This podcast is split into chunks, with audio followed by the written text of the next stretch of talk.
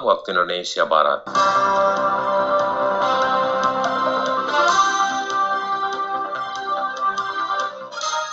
Selamat pagi pendengar, inilah Warta Berita Daerah edisi hari ini Senin tanggal 4 Januari 2021. Pendengar, aktivitas belajar tatap muka yang rencananya dimulai hari ini menuai pro dan kontra di kalangan masyarakat. Polres Natuna menahan seorang oknum masyarakat karena pelanggaran Undang-Undang Informasi Transaksi Elektronik atau ITE. Dari Sepompang Natuna inilah Warta Berita Daerah selengkapnya. Pendengar kita mulai berita yang pertama. Aktivitas belajar tatap muka yang rencananya dimulai hari ini menuai pro dan kontra di kalangan masyarakat. Pemerintah Kabupaten Natuna diharapkan dapat mengambil langkah bijak terhadap keputusan ini. Pada akhir tahun 2020 lalu, Kementerian Pendidikan dan Kebudayaan Kemendikbud membuat keputusan terkait diadakannya sekolah tatap muka pada Januari 2021. Namun melihat kondisi pandemi yang belum menyurut dan masih banyak warga yang terkena COVID-19 membuat Kemendikbud mengeluarkan keputusan pembatalan kegiatan belajar tatap muka. Namun demikian, pembatalan tersebut juga dikembalikan ke daerah masing-masing jika memang dinilai daerah zona hijau dan aman menyelenggarakan belajar tatap muka. Sementara itu, pemerhati sosial kemasyarakatan Kabupaten Natuna, Harken Darmadi melihat keputusan tersebut sangat bijak mengingat kekhawatirannya jika penanganan COVID belum maksimal, maka belajar tatap muka sebaiknya dibatalkan. Jelas disebut disebutkan uh, semua proses pembelajaran tatap muka itu dikembalikan kepada kebijakan daerah. Nah, kalau hari ini pemerintah daerah belum siap menghadapi pencegahan penyebaran virus corona, sebaiknya pembelajaran tatap muka itu ditunda dulu. Jangan sampai proses pembelajaran tatap muka nanti mengakibatkan adanya klaster-klaster baru dan yang disayangkan ini kan yang menjadi akibatnya yang menjadi terdampaknya yang merasakan itu adalah anak-anak kita. Di lain pihak, Kepala Sekolah SMA Negeri 1 Serasan, Rahdiana melalui sambungan telepon kepada RRI menilai belajar tatap muka lebih baik dilaksanakan, khususnya di wilayah Serasan. Mengingat belajar menggunakan daring tidak mendukung untuk di wilayahnya karena tidak semua tempat atau rumah murid sinyal providernya bagus melihat keadaan yang ada. Jadi kalau kenapa kalau nggak sekolah juga anak-anak kita itu yang daerah air Nusa, Paya, mereka kan tidak ada sinyal. Mereka pada kumpul, namanya di kampung Cuklingka. Ya berkumpul juga lah, malah berkumpul bebas apa gitu kan, tanpa ada aturan mereka. Nah begitu, jadi menurut saya sebaiknya sekolah. Tuh. Kemudian sampai detik ini juga Belajar tatap muka yang menuai pro dan kontra dengan berbagai pertimbangan kebijakan dan ketentuan tersebut dari kedua sisi memang mempunyai alasan masing-masing, sehingga sangat penting bagi pemerintah pusat dan daerah mengambil keputusan yang bijak dan benar, sehingga tidak merugikan bagi para peserta didik karena dari data laman COVID-19 di Indonesia pada Minggu 3 Januari 2021 masih ada sebanyak 743.198 orang yang terkonfirmasi positif COVID-19. Polres Natuna menahan seorang oknum masyarakat yang diduga telah melakukan pelanggaran Undang-Undang Informasi Teknologi Elektronik atau Undang-Undang ITE. Pelaku ditahan terkait dengan postingan tersangka di media sosial Facebook yang menuliskan hujatan kebencian terhadap institusi kepolisian Republik Indonesia. Kapolres Natuna AKBP Ike Krisnadian melalui Wakapolres Natuna AKBP Wisnu Edi Sadono di Ranai menjelaskan, tersangka berstatus pegawai honorer Pemkap Natuna telah ditangkap pada akhir Desember 2020 lalu. Ujaran kebencian yang ditangkap kemarin itu satu orang.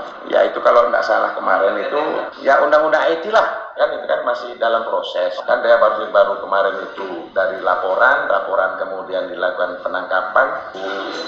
Dengan adanya pelaku pelanggaran Undang-Undang Informasi Transaksi Elektronik ini, masyarakat diharapkan dapat lebih berhati-hati dalam memposting sesuatu hal di media sosial, terutama yang menyangkut dengan ujaran kebencian terhadap seseorang atau lembaga pemerintah.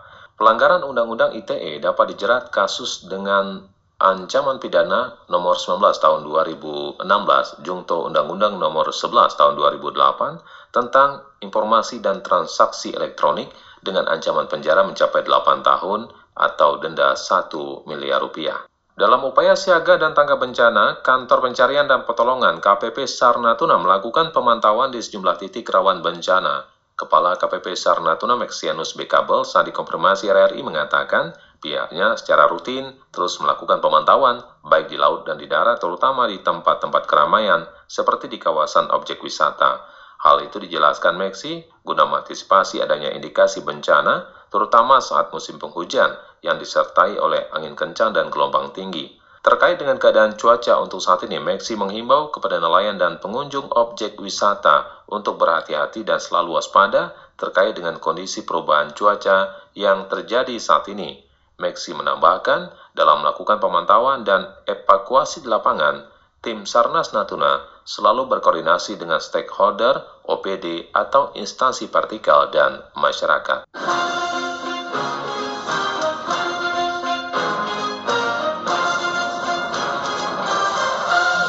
Akibat cuaca ekstrim di wilayah Kabupaten Natuna berdampak pada mahalnya harga ikan di pasaran terutama untuk jenis tongkol atau simbe.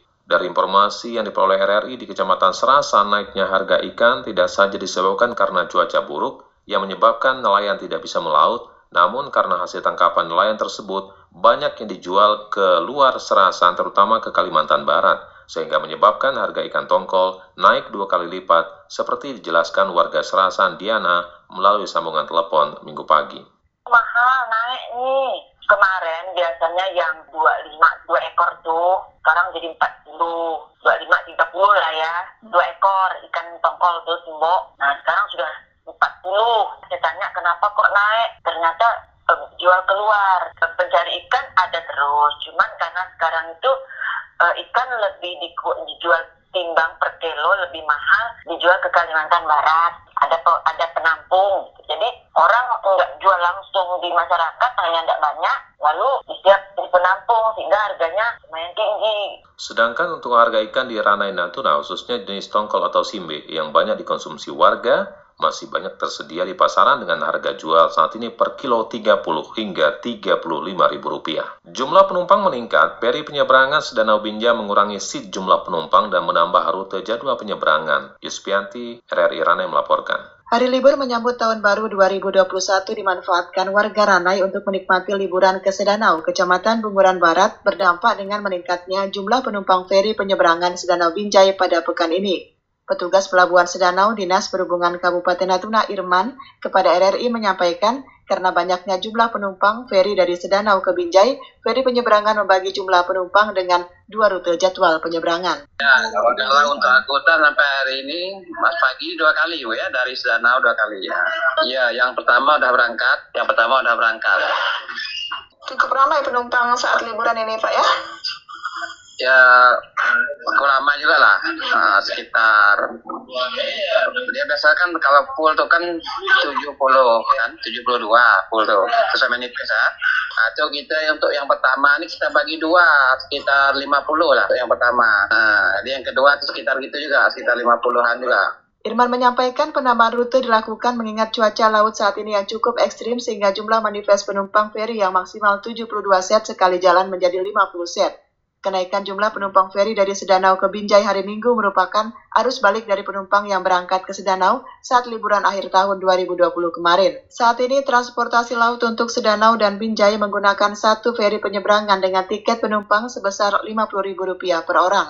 Untuk mewaspadai terjadinya kecelakaan pelayaran, diketahui saat ini BMKG Ranai telah mengeluarkan peringatan dini adanya cuaca ekstrim berupa angin kencang dan tinggi gelombang mencapai 4 hingga 6 meter berpeluang terjadi di Laut Natuna bagian utara. Demikian, Yusbianti dari Ranai melaporkan.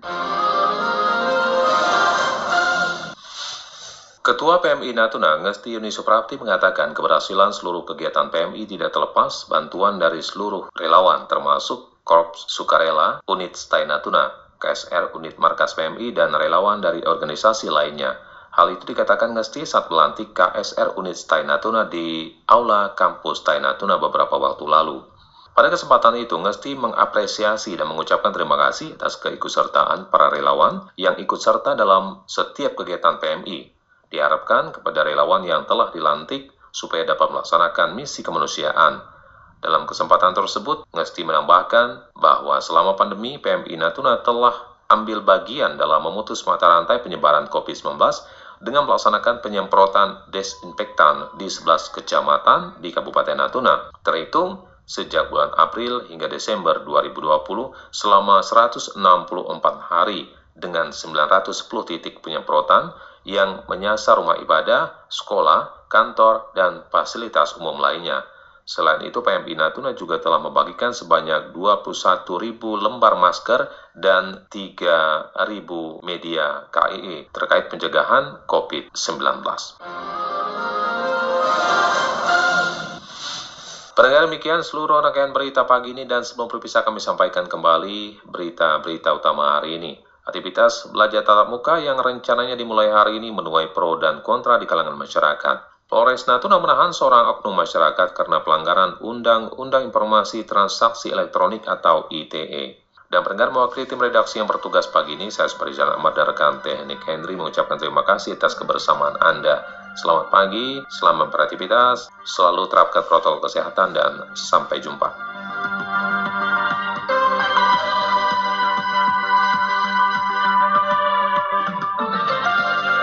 Sekian Warta Berita Daerah Radio Republik Indonesia Ranai, radio publik milik bangsa.